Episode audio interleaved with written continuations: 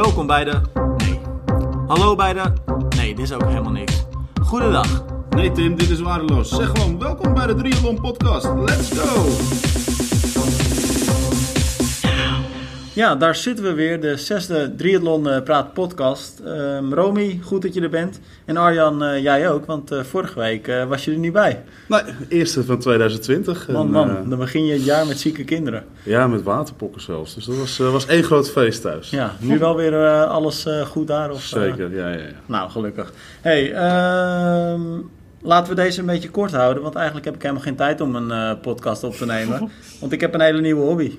Wat dan? Alfred Jodokus kwak kijken. Serieus?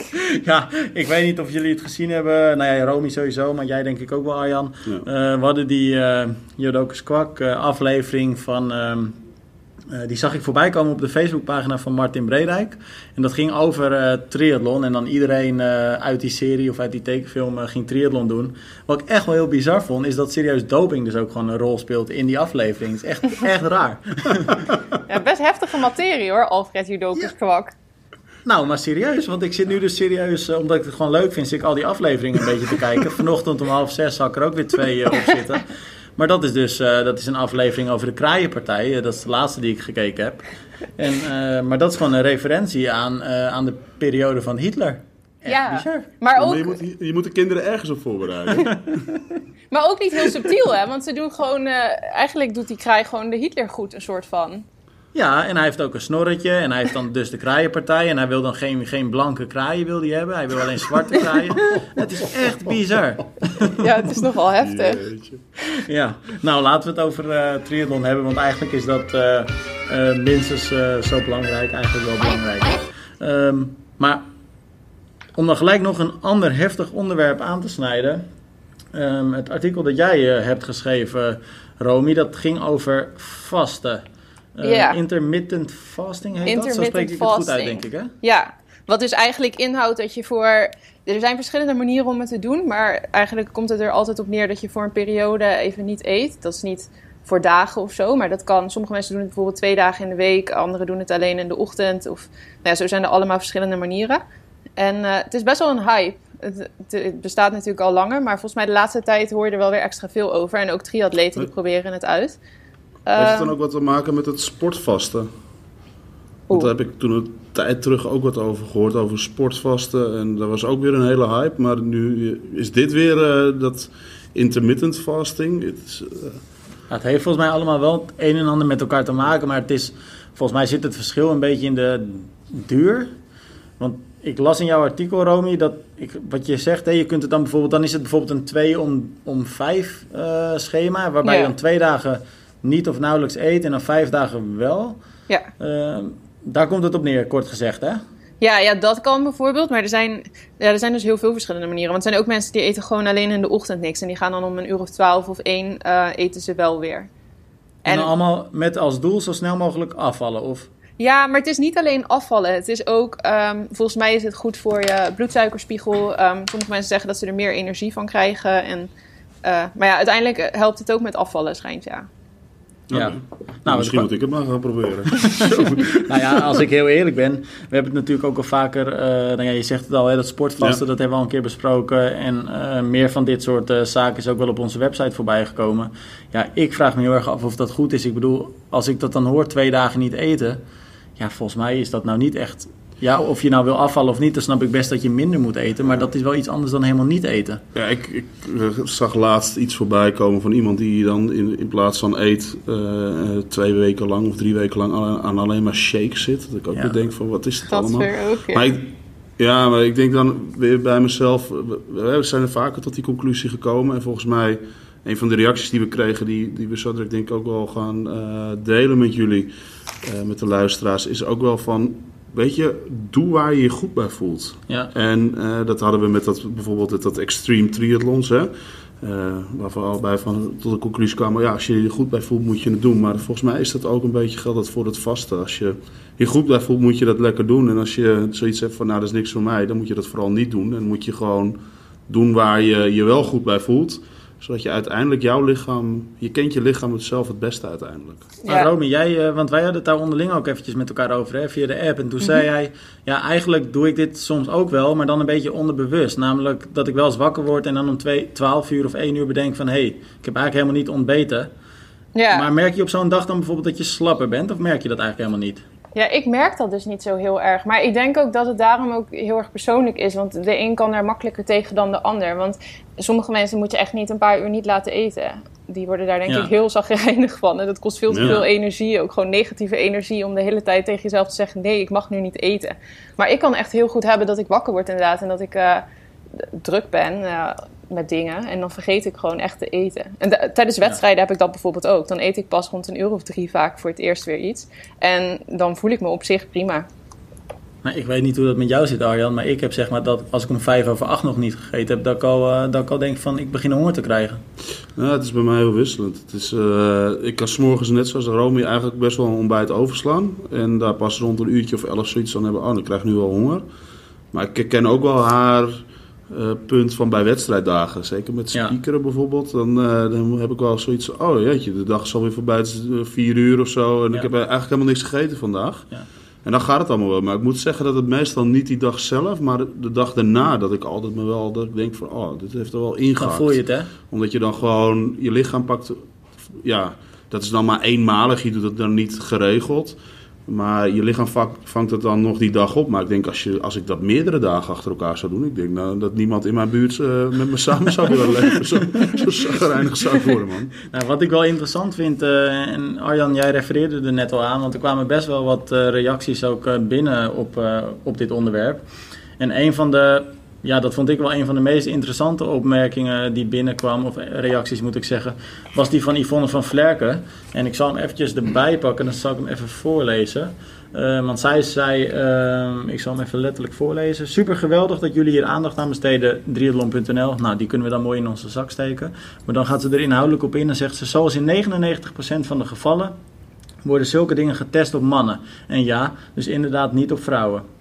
Uit steeds meer research blijkt dat de verschillen tussen ons mannetjes en vrouwtjes toch wel heel wat complexer zijn dan we gedacht hadden. En dan vooral in de lutale fase. Dit is de fase die de tweede helft van je cyclus markeert, oftewel de fase dat- voordat je ongesteld wordt. Eh, de verschillen zijn dan mega. Heel veel dingen blijken voor vrouwen dus helemaal niet goed te zijn, waar mannen hier enorm baat bij hebben. En trouwens, omgekeerd geldt dat ook. Intermittent fasting wordt voor vrouwen aan de hand van nieuwe uitslagen, die dan ter uitzondering wel de lastige vrouw onder de loep nemen, afgeraden. Maak deze fout dus absoluut niet, niet. Dit kan verschrikkelijke uitwerking op je hormoonhuishouding hebben. Nou, dan, dat is dus een beetje doelend op, eh, op wat we vorige week natuurlijk ook met elkaar besproken hadden, Romeo. En dan zeggen ze vooral voor een langere periode. Ik kan je er helaas alles over vertellen, maar dat doe ik later nog wel een keer uitgebreid hier op Triathlon. Het komt er in ieder geval kort op neer dat je met intermittent fasting je cortisol level omhoog jaagt. Ehm, doe je dit te veel, dan kun je een standaard te hoog cortisol krijgen. Nou ja, ze gaat er nog een tijdje door. ehm, maar dan haalt ze ook nog onder, onder andere bijvoorbeeld de nuchtere ochtendloopjes aan. Hè, die eh, veel triatleten, nou ja, trouwens niet alleen triatleten, maar heel veel duursporters, eh, die doen dat. Hè, want dan zeggen ze, daar is altijd van gedacht en gezegd ook dat het eh, goed is Ik om... kon dat nooit, hè. Echt, wij deden dat op trainingskampen. Maar serieus, ik kon dat echt niet. Nou, ik vind het best wel lekker. Nee. nou, lekker is een... eh, ja? Nee, ik- maar waarom niet? Omdat je het ik te leeg iets in mijn maag hebben. Nou ja. Maar ook met zwemmen, want zwemmen doen mensen ook denk ik Nee, zwemmen wel. Zwemmen, moet, zwemmen moet ik weer nuchter doen, inderdaad. Maar als het om ochtendloopjes gaat, dan echt wel. eh, nou, ik, geef mij maar gewoon even wat een klein beetje voedsel van tevoren. Ja. Nou, het grappige is, want Yvonne zegt dus mannen kunnen dat op zich prima doen. Daar, daar maak je eigenlijk niks kapot mee. Maar vrouwen moeten dat, moeten dat zeker, eh, zeker niet doen. Dat is gewoon echt niet, eh, niet goed voor, hun, eh, nou ja, voor allerlei waarden in het, eh, in het lichaam. Ehm, Ja, en ze sluit daar dus ook weer bij af wat we net denk ik aanhaalden. Ehm, uiteindelijk luister gewoon naar je eigen lijf. En eh, Ja. een hele belangrijke tip is dat allerlaatste wat ze zegt. Geef je eigen lijf zeker niet meer stress eh, dan die tegenwoordig al heeft. Want in het dagelijks leven hebben we al met z'n allen zoveel stress. Eh, waarom zou je dan ook nog eens dat vasten gaan doen als dat niet bij je past? Want dat geeft je alleen maar meer stress en dat is niet goed voor je. Dus ik denk, ja, ik denk ook wel, ik ben het echt wel met Yvonne eens. En met deze conclusie ook, luister naar je eigen lichaam. En als het bij jou past, moet je het doen. Maar ja, neem ook wel de tips van, eh, van Yvonne mee, maar ook eh, uit allerlei on- onderzoeken. Lees Ja. die ook goed voordat je zomaar iets gaat doen. Maar dan denk ik dat ik er nog iets feller in sta. Ik denk eigenlijk dat dit per definitie gewoon bij niemand past. Want Ja? de mens is hier helemaal niet op gebouwd. Maar dat geloof ik niet.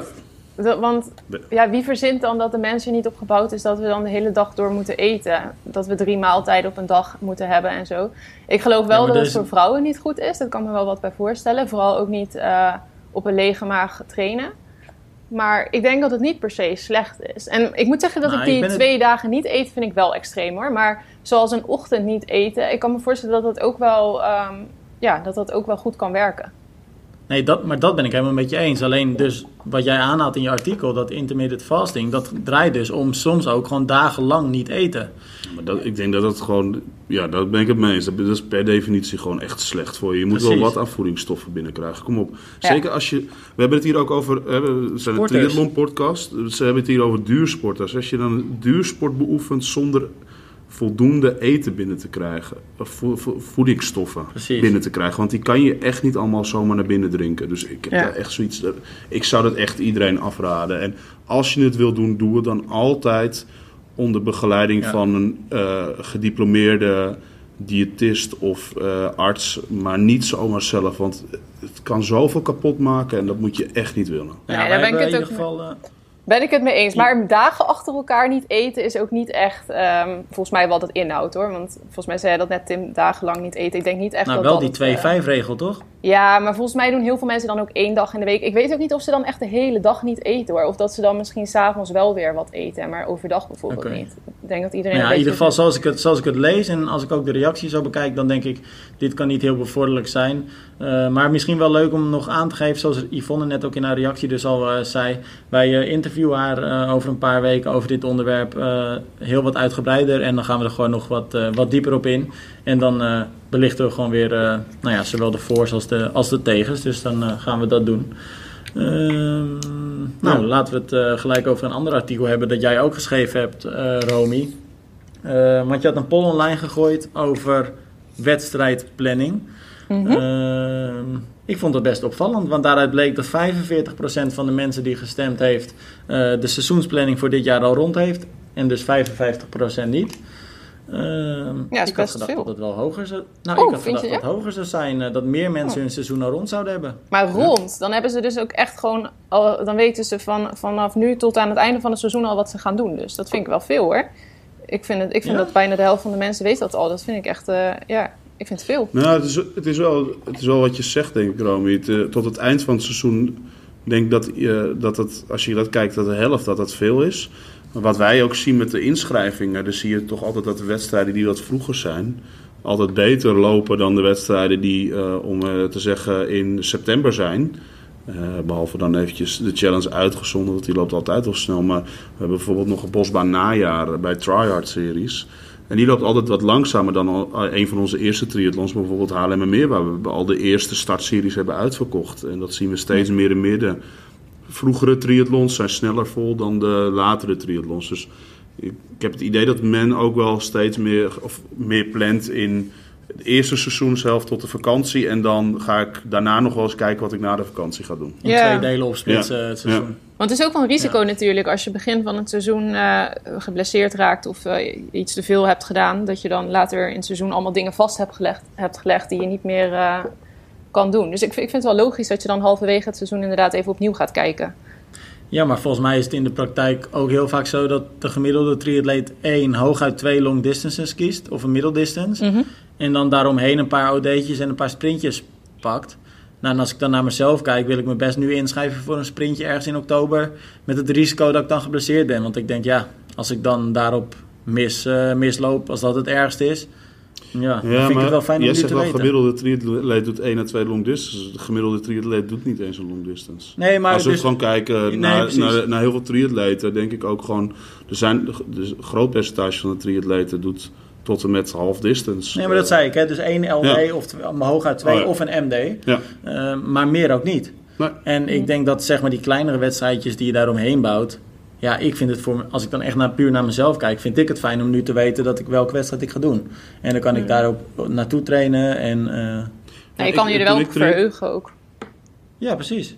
Nou ja, toen ik triatleet was, weet ik wel dat ik altijd wel een tweedeling maakte in het seizoen. Oké. Ook gewoon eventjes kijken wat het eerste seizoen, eh, seizoenshelft opbracht. En wat, het, wat wel lukte en wat niet lukte. En in die tijd deden we bijna elke week een wedstrijd. Dus dat was ook echt wel, wel veel. Ehm, En jij deed altijd in overleg met je trainer, denk ik.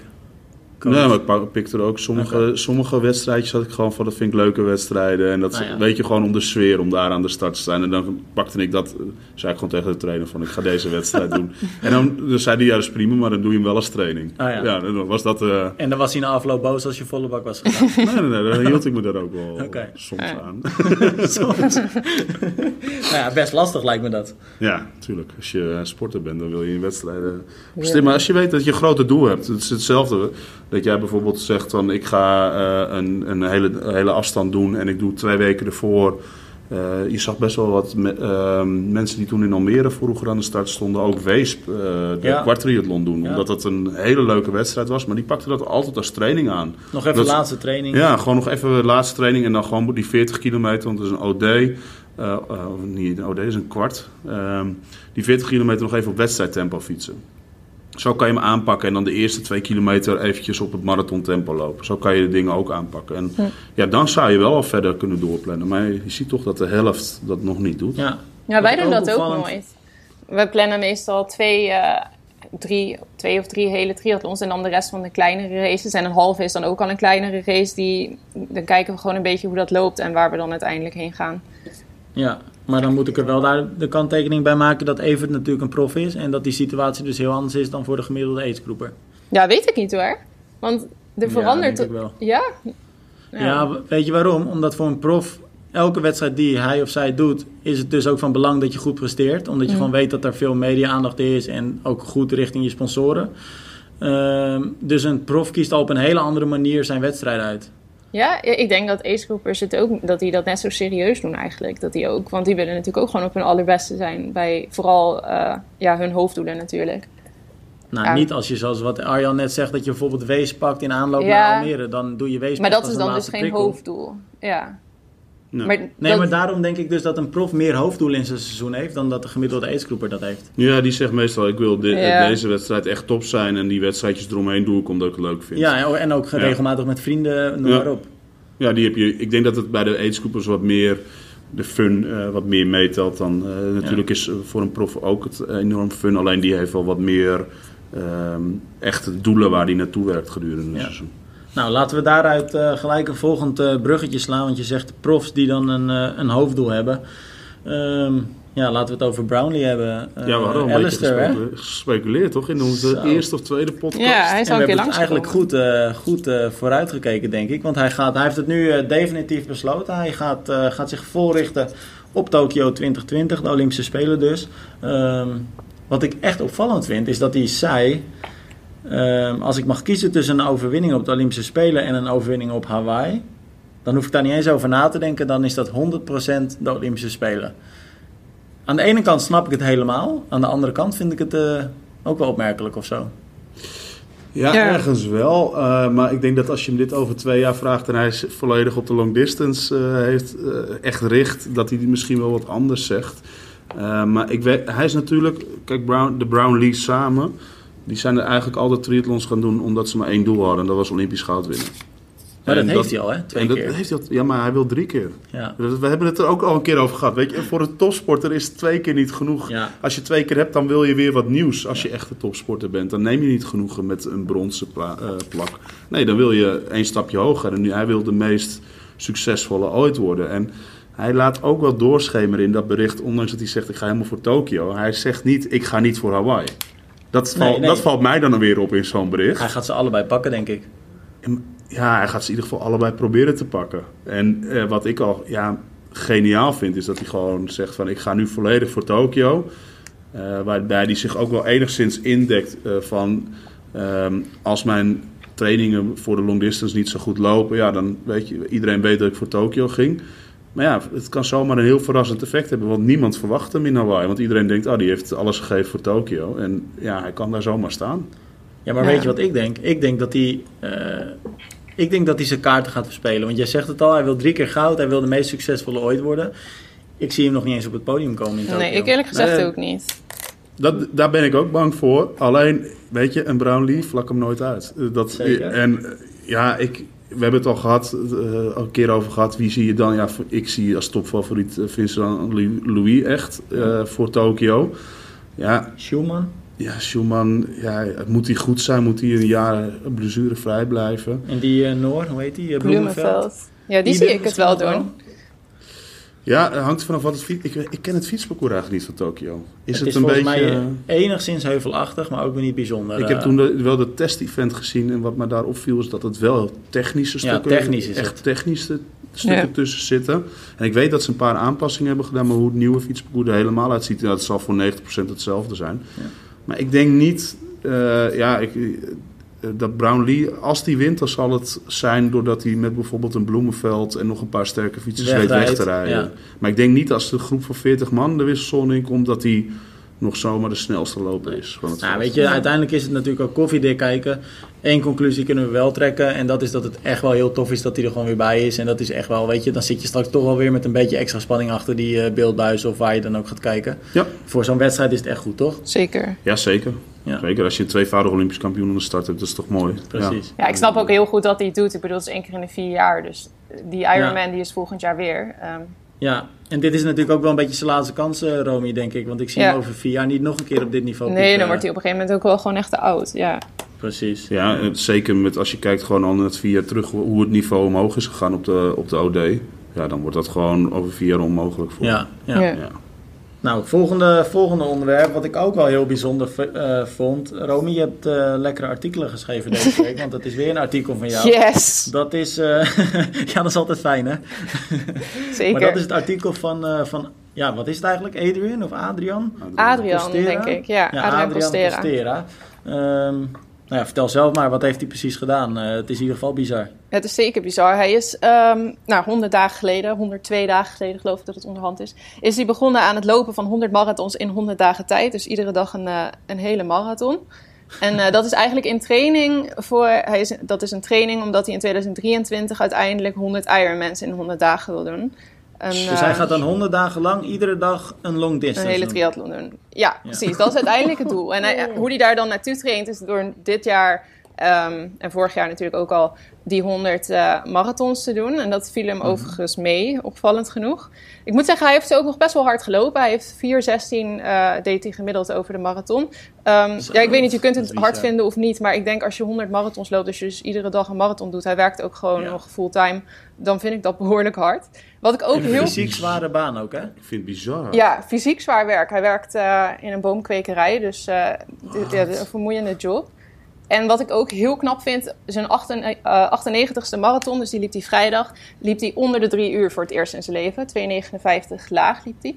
Maar Dus dat hij laat dus ook twee eens- marathons voordat hij klaar is. Ja, en dan laat hij ook nog eens even zien hoe snel hij die marathons dus kan lopen. Ja. Dat vind ik wel echt eh, heel knap. Zijn langzaamste is trouwens, eh, ik heb eventjes de, de cijfers erbij gezocht. Ik dacht misschien is dat leuk om te weten. Is eh 5 uur 49, 39. Dus dat is ook niet, eh, hij heeft ook niet een hele dag gewandeld of zo. eh. Nee, nee. Maar wat ik zo apart vond, en jij hebt hem natuurlijk uitvoerig gesproken, want wat ik dan las, hij werkte dus overdag. Dan werkte hij de hele dag in die eh, boomkwekerij, of wat dat ook Mhm. precies eh, is. En dan ging hij dus in de avond, maar dan liep hij soms zelfs twee marathons. En dan sliep hij een uurtje en dan ging hij de volgende dag dus gelijk weer werken. Zo ja, ging dat. Helemaal gestoord. Ja, dat is dus ook om te trainen voor die 100 eh, hele triathlons in 100 dagen. Want dan zal hij ook heel weinig kunnen slapen. Dus hij wil er alvast aan wennen dat hij, ja, dat hij wat minder nachtrust heeft.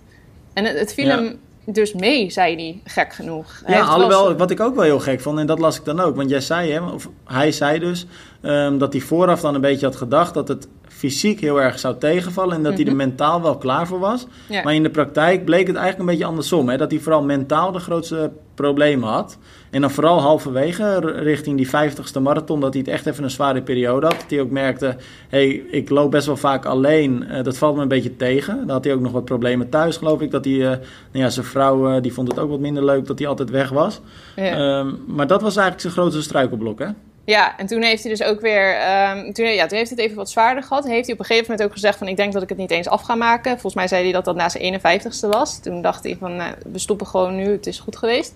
Toen is die mensen. 49. Ja, dan moet je dus nog best wel even. Maar hij heeft zijn avontuur echt heel erg leuk op eh, Facebook gedeeld. Iedere dag postte hij eh, wat hij liep met zijn, eh, zijn tijden erbij, et cetera. Toen heeft hij ook gezegd van, heeft hij gevraagd om meelopers. Die heeft hij toen weer gekregen. En toen ging het eigenlijk ook weer beter, doordat hij weer gewoon wat support had. Dat heeft hem heel erg geholpen. En ja. Hij zegt ook uh, op een gegeven moment iets van dat hij best wel tot veel uh, nieuwe inzichten is gekomen tijdens dat lopen. Want hij zei: Ja, ik heb gewoon heel veel tijd met mezelf doorgebracht het afgelopen, ja, de afgelopen honderd dagen. Ik kan me voorstellen ja. dat je dan tot nieuwe inzichten komt. Maar. Uh. Ja, hij zegt dus ook van 1 miljoen likes op Facebook, het maakt niks uit. Als er één iemand is die met je meeloopt tijdens zo'n marathon, dan is dat gewoon zoveel belangrijker. Ja. ja. Zo zien we weer, het echte contact is toch echt belangrijker weer. Ja. Maar ik kan me dat wel voorstellen hoor, dat als je dus 100 marathons loopt in 100 dagen, dat je er wel uitkomt als een heel ander mens. Uh. Ja, maar ik ben helemaal benieuwd. Ik vind, ik, ik vind het super knap en uh, ik zou het nooit doen. Uh, nee. Maar hoe je dan die 100 Ironmans in 100 dagen gaat doen. ik, ja, ik sta gewoon met open mond als, als dat lukt, jongen. Echt serieus. Dat is... Ik vind het bizar. Ik vind het gekke werk, maar ja, ik heb daar wel een vorm van respect voor. Ja. ja. Um, maar ja, ik ben wel benieuwd. Ik hoop wel dat hij dan elke dag gewoon iemand heeft, uh, dus honderd mensen weet te vinden die met hem meegaan. Want anders dan is dat nog een zwaardere ja. opgave. Nee, maar dat zal wel moeten ook voor de veiligheid. Ja. ja. Ja. misschien op de fiets of zo dan ook. Maar ik moet zeggen dat ik er wel vertrouwen in heb. Toen ik hem de eerste keer, want we spraken hem dus al in oktober of zo toen hij begon. Toen dacht ik, poh, 100 marathons, 100 dagen. Daar had ik al een beetje zo'n gevoel bij van, nou, je kan toch altijd een keer ziek worden en ja, wat dan? Um, en toen dacht ik, die 100 triathlons in 100 dagen, dat vond ik helemaal uh, bizar. Daar kon ik niet helemaal bij. En, maar nu heb ik hem dan weer gesproken en hoe hij dan zo enthousiast dat allemaal vertelt. En hoe dat hij toch ook wel, want hij heeft het natuurlijk zwaar gehad, maar toch is het hem overal is het hem best wel meegevallen. En hij zegt ook, die marathon is gewoon het moeilijkste in een triathlon. En ik ja. werk de hele dag. Dat is eigenlijk een beetje, ja, je kunt het niet helemaal vergelijken, maar alsof je misschien hebt gezwommen en hebt gefietst. Um, hij, ik weet niet, maar hoe hij dat zo uitlegde, toen dacht ik, oh ja, ik kreeg, ik kreeg er wel een beetje vertrouwen. Ja, ik had er wel vertrouwen in ja. daarna. Want met die 100 triathlons, dan neemt hij wel vrij, neem ik aan. Want dat kun je ja. gewoon niet combineren ja, met je werk. Ja, ik heb dat niet gevraagd, maar ik gok dat hij dan wel vrij zal nee, dat kan haast niet anders. Nee, dan kan je echt niet slapen. Nee, dan kan je echt gewoon nee. niet slapen. Nee, dan werk je acht uur nee. en dan, uh, dan heb je nog, uh, ja, nee, dat is nog 16 uur om een, uh, om een triathlon te doen. nee, dat, kan nee, dat gaat niet. Maar wat hij dus nu dit jaar nog gaat doen, hij doet nog een, uh, een quintuple. Dat is zijn uh, vier hele triathlons in, uh, vijf hele triathlons in vijf dagen. En hij doet een DK ultra triathlon dit jaar ook nog. Um, hij wil trouwens het wereldrecord pakken op de quintuple. en die DK, dat zijn dus tien hele triathlons in tien dagen. Hij heeft een hele planning richting 2023. En dan het jaar erop, dus als 2021, doet hij 100 halve in evenveel dagen. Uh, 2022, 30 uh, hele triathlons in 30 dagen tijd. Hoopt hij ook weer het wereldrecord te pakken. En zo uh, heeft hij een beetje van die tussenstapjes richting ja. zijn uh, uiteindelijke doel. Nou, ik zou zeggen, mocht je het artikel nog niet gelezen hebben als luisteraar, doe het zeker even. Want daar zie je echt heel veel nou ja, toffe, maar ook hele bijzondere reacties van, van Adriaan zelf. En dan heb je misschien nog meer een beeld bij wat deze man heeft doorstaan. Want dat het bizar is, dat, dat is wel zeker. Um, iets anders dat ook bizar is, en dat is ook uh, nieuws van, uh, van deze week. En dat gaat toevallig dan ook uh, iets meer over hardlopen dan, dan over triathlon. Maar dat is dat het wereldrecord van de 10 kilometer is gebroken afgelopen zondag in Valencia. 26 minuten 24 uit mijn hoofd. Ja. Op de weg inderdaad. Ja. Uh, daarmee was uh, die Keniaanse loper die dat brak 14 seconden sneller uh, uh, dan het, nou ja, het voormalig wereldrecord dus. Nou, weet je wat ik bizar vond? Is dat de tussentijd was een wereldrecord op de 5 kilometer. Op Twee de keer zelfs. Twee keer. Ja, en ongelooflijk. Dan lees, ik, dan lees ik, het telt niet. Ja, en wij hadden het daar vanochtend al eventjes met elkaar over. En inmiddels weet ik waarom het is, want ik heb het opgezocht. Maar dat heeft er dus mee te maken dat... Uh, want even ter beeldvorming, hij liep zijn eerste 5 kilometer liep hij in 13 minuten 18 en de tweede 5 kilometer liep hij in 13 minuten 6. Het regerend 5 kilometer wereldkampioen wereldrecord uh, was 13 minuten 22, dus hij is twee ja. keer sneller geweest. Maar het telt niet omdat je in een 10 kilometer een vliegende start hebt. Maar dat is toch je, ja, niet voor je eerste vijf, je eerste maar ik denk dat ze dus... Ja, ik weet ook wel waardoor het komt, want ik heb dat ook opgezocht, ik was daar ook achter. Je moet uh, als parcours aan allerlei regels voldoen. Zo ja. mag je niet meer dan zoveel procent naar beneden lopen. En stel voor dat in jouw eerste vijf kilometer noem even twee kilometer naar beneden zit, wat mag in een hele 10 kilometer en daarna is het allemaal vlak. Ah, ja. Dan is dat niet voor de 5 kilo, dan is het 5 kilometer niet een officieel goedgekeurd parcours. Ja. Ja. Eh, dus die parcours moeten ook goedgekeurd worden. Dus dat is een, daar zit het hem ook in. En die tweede 5 kilometer telt helemaal niet inderdaad, omdat je vliegende start hebt. Ehm, maar dan nog 13, 18 en 13.06. Even serieus. Wat? Maar dat hou je Ja. op de fiets nog niet bij. Nou, op nou, een dank- normale dankjewel, stadsfiets. dankjewel, Nee, eh, ik spreek voor mezelf. Ik Oh, spreek oké. voor mezelf.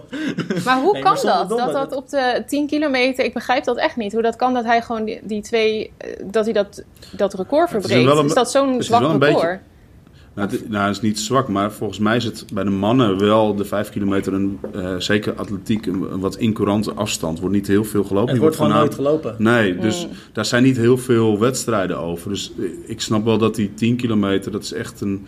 Je hebt daar zeg maar gewoon de, de 10, de halve en de hele marathon. Dat zijn de echte courante Ja. afstanden. En de 5 is, ja, is niet echt een... Op de weg niet. In Nee, niet op de weg. Nee. En dat Dus zou hem dus dat ook niet komt. interesseren, want hij kan dus heel makkelijk eigenlijk even waarschijnlijk een 5 kilometer Ja, record lopen. waarschijnlijk- Maar dat maakt niet Waarschijnlijk uit. als iemand er gen- genoeg geld voor geeft, dan eh, komt Ja. hij wel. Omdat Nou hij- ja, dat is het denk ik inderdaad. Er zijn gewoon bijna geen grote wedstrijden die een 5 kilometer eh, gecertificeerd organiseren waar je een wereldrecord kunt lopen. Dus dan is het voor Ja. hun financieel ook helemaal niet interessant. Waarom zouden ze dat doen? Er is geen aandacht voor. Maar, eventjes, want jij hebt ooit nog gepubliceerd wat Alex uh, jullie, eh, hier- Alex J, 1327. 1327, dat is dus gewoon 15 sec- wel op de baan, overigens. Ja. Ik wil Dus, niet moeilijk eh, doen, maar het was toch volgens mij 29 voordat we dat dan na de hand Oh, horen. nou, dat zou ook kunnen. 1329. Maar dat even serieus, een triatleet, 1329. ja, bizar. Ja. Dat is toch ook wel een van de namen waar we roepen het al een tijdje, waar we de aankomende jaren steeds meer van gaan horen. En wie weet is dit wel de opvolger van, eh, van eh, de man die nu naar de Spelen gaat van, eh, van Alistair. Ja. Ik, ik ben benieuwd, ik weet het niet. Maar als je dus, in, nou ja, wat je zegt, maar als je zo snel 5 kilometer loopt, ehm, ja, het is inderdaad 1329. Ik heb het even snel opgezocht. Ehm, maar dan ben je wel een groot hoor, als triatleet. Ja, Ja. en dan moet je ook nog goed kunnen zwemmen. Ja. En dat kan hij wel redelijk. Dus eh, ja, als Iemand die- om in de gaten te ik, houden. ik heb hem, ja, iemand om in de gaten te houden. Alleen dit soort tijden in triathlons, hij heeft nog nooit in een combinatie kunnen doen. Daar heeft hij hij meer heeft- moeite mee. Ik meen me te herinneren dat hij, volgens mij is dat de World Cup in Zuid-Afrika geweest. Ja, was maar vorig jaar. dit- ja, hè? Mhm. En daar liep hij iedereen op een hoop op. een Ja, gegeven moment. toen werd hij uiteindelijk tweede. Maar toen kwam hij echt vanuit het achterveld helemaal naar Ja, En dat toen liep hij Werd hij 13 nog wat, tweede? Ik dacht dat hij won eigenlijk, maar misschien werd hij tweede. Misschien- Maar Maar dat, moeten we, la- dat hou ik me dan eventjes, eh, dat houden jullie van ons toch goed. Eh, maar in ieder geval, ik kwam op het podium, laat ik het dan daarop Ja. houden. Ja. Maar hij liep helemaal van achter naar voren. En volgens mij ook in de 13 minuten. Maar als deze man dus gewoon ook bij een kopgroep kan zwemmen, weet je, dan, dan heb je de nieuwe overheerser voor de aankomende Ja, acht jaar. nou, ik denk dat Ja. hij een beetje kracht moet gaan kweken inderdaad nu. En voor het zwemmen en het fietsen. En dan... eh, Maar dit is wel goed, want we hadden natuurlijk op Instagram een poll met vragen. En een van die vragen was ehm, van Jeroen Christ of er een goede krachttraining is voor zwemmen. ja, Jij zegt van hij moet een beetje kracht, eh, kracht krijgen met zwemmen. dan ga ik eerst naar jou kijken Arjan. Want ik denk dat jij van ons drie het meest weet van zwemmen. Ehm, ik moet zeggen, ik heb krachttraining gedaan op een gegeven moment toen ik bij de bond zat. Ik heb dat heel lang niet gedaan. Ehm, en je moet opnieuw leren zwemmen. Nadat je krachttraining doet, Als je krachttraining aan het doen bent. En Ja. je kan dat. Je, je, ehm, je wordt sterker, je krijgt een andere doorhaal. En eh, het heeft niet altijd een positief effect voor zwemmers. Nee, Ik, ik ben niet zomaar overtuigd dat, eh, zeker niet als je eh, gewoon als triatleet zeg maar, naar de sportschool gaat. En zelf een beetje aan de gewichten gaat hangen, om het even oneerbiedig zo te zeggen. Mhm. eh, dat het voordeel heeft voor je. Ik denk dat je daar heel specifiek in begeleid moet worden. Kijk, alle goede zwemmers, alle topzwemmers doen ook krachttraining.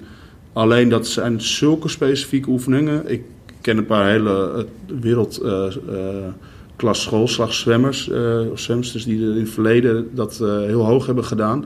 Die doen hele andere oefeningen dan borstkrol of, Ja. of vlinderslagzwemmers. Dus Ja. het is ook nog eens slagspecifiek. Dus je moet dat echt heel goed weten, wil je dat uiteindelijk je verder gaan helpen. Ik Ja. vind het ook een interessante vraag hoor van Jeroen Christ. Want dat is een aantal maanden geleden inmiddels. Toen hadden wij een artikel en dat was gebaseerd op een eh, onderzoek dat wij eh, online tegen waren gekomen. En mocht je dat artikel willen teruglezen, dat kan onder eh, krachttraining heeft geen direct nut voor zwemprestaties.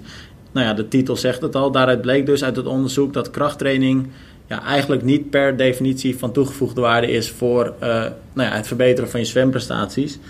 Ehm, Ik denk dat 99% van de triatleten eh, meer baat heeft bij een goede techniektraining dan bij krachttraining. Ja, Ja, dat, dat geloof denk ik ook. ik denk dat je eerst moet zorgen dat dat op orde is en dan daarna begin je met kracht.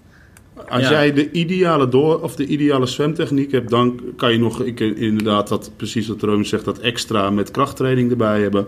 Maar tot die tijd focus je op je techniek. Ja. Daar is voor alle triatleten zoveel te, te behalen. Dat is echt niet normaal. Absoluut. Maar Jacob Veenstra die sloeg daar toen eh, helemaal op aan. Hè. Die, eh, die had toen eh, op zijn eigen Facebookpagina een woedend bericht eh, geschreven. Waarop die triathlon helemaal naar beneden haalde. Want we waren sensatiezoekers en weet ik veel wat er allemaal stond. Het was echt een. eh, nou ja, het was bijna langer dan mijn profielwerkstuk, dat bericht. en ik heb dat toen eh, gelezen met veel, veel interesse. En. ehm, ja, nou ja, kort gezegd eh, vond hij het eh, niet kunnen dat we dit soort onderzoeken deelden, want het was allemaal onzin en krachttraining was echt heel erg belangrijk. Ehm, Ja, nou ja, weet ja, je. weet ik- je, ik snap wel dat hij dat zegt, want hij begeleidt natuurlijk atleten in, eh, in hun trainingen en geeft daar ook heel veel focus op, op krachttraining. Ehm, maar ik, ik vind dat een stelling die je niet zo kunt poneren, want ik, dat onderzoek ten eerste is dat ergens op gebaseerd. En ten tweede zal ook hier gelden dat het voor iedere atleet anders is. Weet je, volgens mij is dat de kern van de zaak. Ehm, We worden een beetje saai dat we steeds terugkomen op het saai dat het voor Ja, iedere weet je atleet, wel, hè? eh, voor Ja. iedere Ja. atleet Lekker wel. ja, maar het is politiek wel Maar- essentie is het zo. Maar het is, eh, het is oprecht zo. Eh, weet je, want ehm, je kan. Natuurlijk kan je krachttraining gaan doen en kan je op korte termijn wat effect merken. Maar heeft hij ook het op- helemaal gelijk in heeft hoor, hij- Jacob, wat dat betreft. Ja, maar heeft het op lange termijn effect voor zwemmer?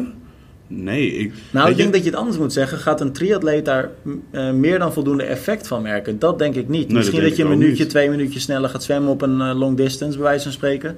Maar ja, Nee, maar ga dan eerst eens met een, gewoon een echte zwemtrainer aan de slag. Ik ga, wat ik net zei.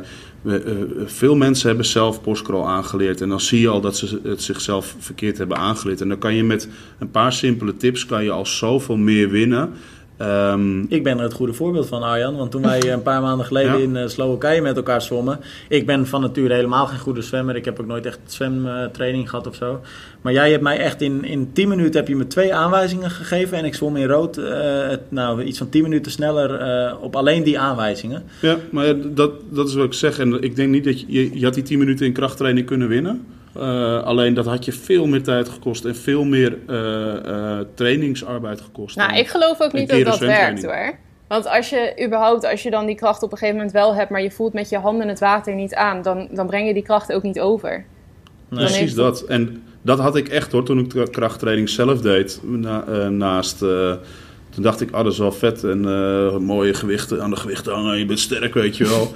Maar uiteindelijk het, is het gevoel met het water wat je kwijtraakt. En als je dat niet meer hebt, je kan gewoon opnieuw leren zwemmen. En dat is, geeft je zoveel meer uitdagingen dan dat je gewoon eh, die tijd in de zwemtraining steekt. Nou, dus Jeroen, ehm, ik denk dat je die conclusie wel hebt getrokken. We proberen je vraag echt te beantwoorden, maar er is niet echt een eenduidig antwoord voor. Het hangt van niveau af, het hangt van, van allerlei factoren af. Eh, maar ja, ik denk voor Jeroen en voor een heleboel triatleten... als je echt winst wil maken met het zwemmen... ga niet het in krachttraining zoeken, ga het in techniektraining Ja. zoeken. Ja. Nou, laten we gelijk dan de volgende vraag eh, die op onze Instagram-account eh, binnenkwam behandelen. Dat is de vraag van, ja, ik hoop dat ik het goed uitspreek, Bjorn Walstok. Ehm, ik denk dat we die vraag makkelijker kunnen beantwoorden. Misschien wil jij dat doen, eh, Romy. Ehm, hoe kun je je fietssnelheid het beste verbeteren? Ja, ehm, ik denk dat dat een beetje een combinatie sowieso natuurlijk intervaltrainingen. Ehm zorg dat je daar wat snelheid vandaan haalt. Ik denk dat techniektraining op de fiets ook wel een interessante is. Dus dat je ehm, bijvoorbeeld met één been trappen. Dat je één been uitklikt en met één been, eh, met ja, dat je dat afwisselt. Dat je met links en met rechts fietst. Daar Ehm, geloof ik dan weer helemaal niet in. geloof je helemaal niet in? Nee. Jij, Arjan? Ja, ik deed het wel. Wij deden het echt. Of eh, dat soort dingen. En, eh, maar ook eh, in combinatie met eh, verschillende verzetten. Hè? Dus eh, met Ja. één been bijvoorbeeld heel groot verzetten, andere Ja, been. ik zie dat echt als tijdverlies. Ja? Nee, dat geloof waarom? ik niet. Nou, waarom? Omdat ik denk, omdat ik me volledig, volledig aansluit bij wat Romy net zegt, intervals. Ehm, ik zou inderdaad gewoon die focus leggen op, op, het, op de afwisseling tussen intervals en duurtrainingen. Eh, dus pak goed je tempoblok in combinatie met eh, ook je langere rustige ritten. En volgens mij heb je dan, en zeker als beginnende atleet, heb je, heb je veel Ja. meer concreet effect. Ik vind het, dat vind ik moeilijk om de, aan dit soort vragen, net zoals over de zwemmen, maar ook met fietssnelheid. Het is ook dit is weer atleetafhankelijk. Maar Ja. ook eh, hoe train je en eh, in welk... eh, eh, hoe, hoe triathlon volwassen ben je, om het zo maar Ja. even te noemen. Doe je het net een jaar, fiets je net een jaar... dan is dat al heel anders dan dat je al tien jaar fietst... om je Ja. fietssnelheid te verbeteren. Maar gezien de vraag, en ik hoop niet dat ik je daarmee tegen de borst stuit als ik het verkeerd heb, Bjorn. Eh, Maar dan denk ik dat, dat dit een beginnende atleet is. Want de gemiddelde atleet, ervaren atleet, zal niet vragen hoe je je fietssnelheid kunt verbeteren. Dus laten we er even van uitgaan dat het een beginner is. Dan zou ik me dus echt wel gaan focussen op, doe je intervalletjes, pak je korte sprintjes, je tempoblokken van 10, 12 minuten. Ehm, dus ga bijvoorbeeld een duurritje doen van, van 2 uur, eh, waarbij je echt onder je, onder je, ver onder je maximale snelheid rijdt. Lekker relaxed, maar pak dan drie tempoblokken van 10 minuten. eh, of drie keer 5 minuten, dat kan natuurlijk ook om, om wat rustiger te beginnen. Maar volgens mij pak je dan echt, echt wel meer je, je fietssnelheid eh, omhoog. Ik denk Maar- dat dat beter is dan dat je allerlei rare of moeilijke techniekoefeningen gaat doen. Nee, ik denk voor de ervaren trio, want dan heb je het dus over de beginner, daar ben ik, de beginner, daar ben ik het mee eens. Ik denk dat dan inderdaad interval gewoon het eerste is, wat de, de belangrijkste tip. Maar als je meer ervaren bent, denk ik dat techniek ook echt wel eh, Ja. Ja. een Ja. onderdeel gaat zijn. En ook, eh, volgens mij zei jij dat net ook Arjan, dat je afwisselt verschillende verzetten, dus wat zwaarder, wat lichter. En dat je, Ja.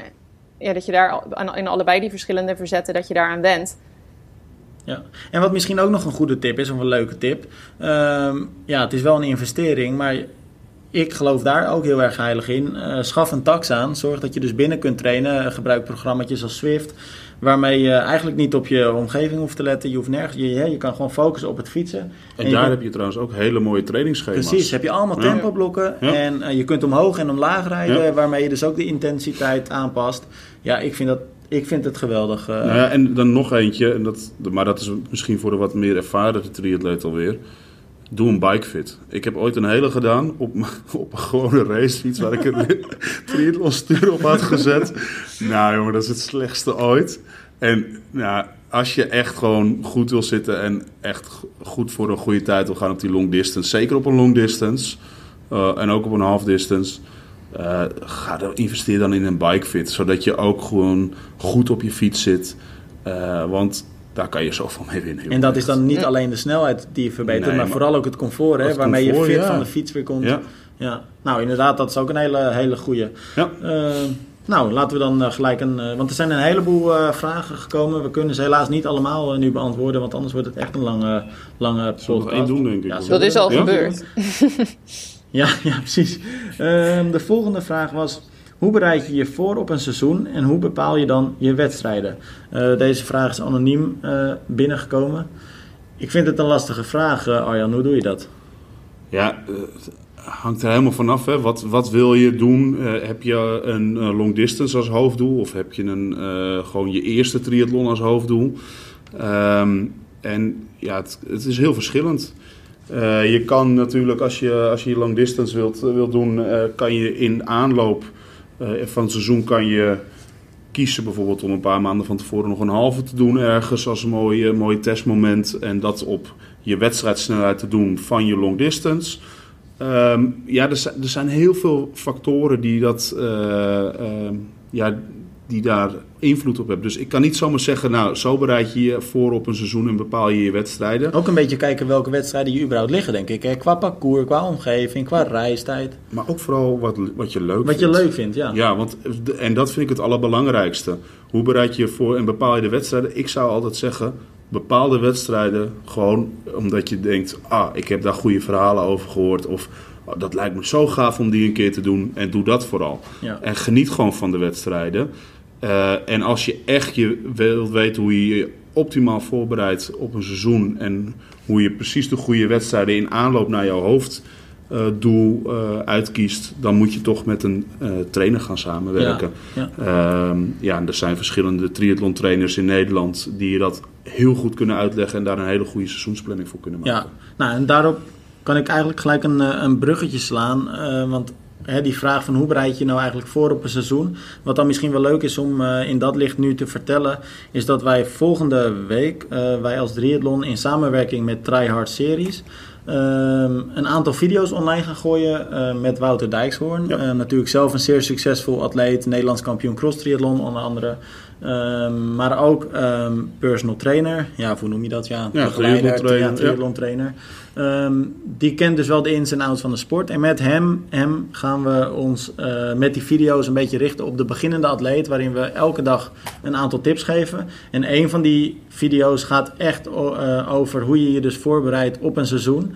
Ehm, nou, dus mocht je dat interessant vinden, degene die die vraag gesteld heeft, check volgende week zeker even onze website. En dan eh, Ja, en volgens mij was het na de tweede podcast ook, kwam er ook een vraag.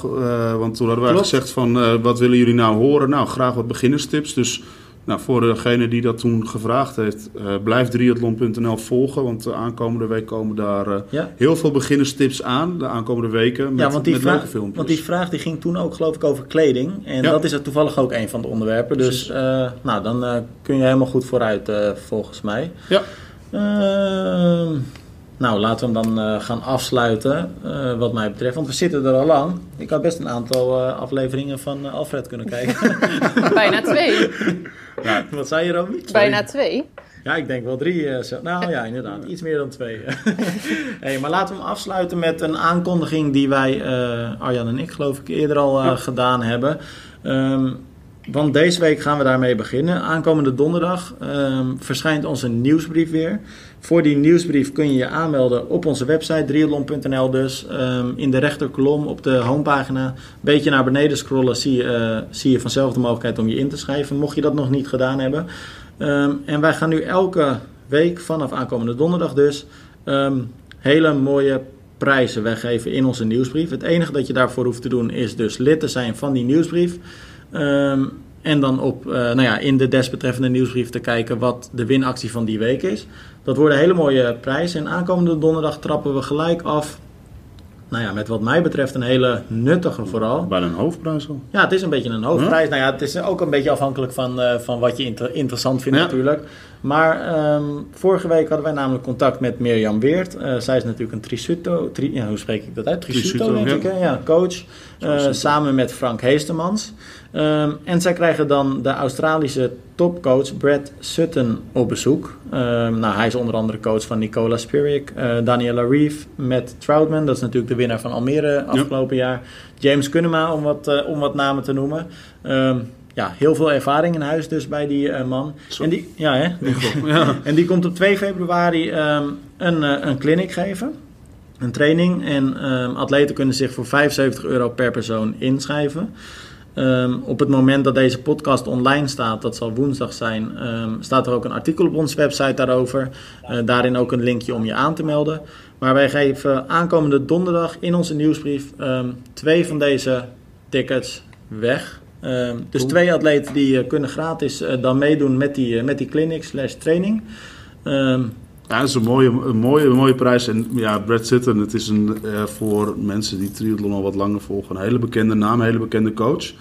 En eh, die ook zijn mening wel klaar heeft. Eigenlijk wel, eigenlijk zouden we hem op 2 februari in onze podcast moeten hebben. ja, zullen we het proberen? Ja, dat zou wel gaaf zijn zeg.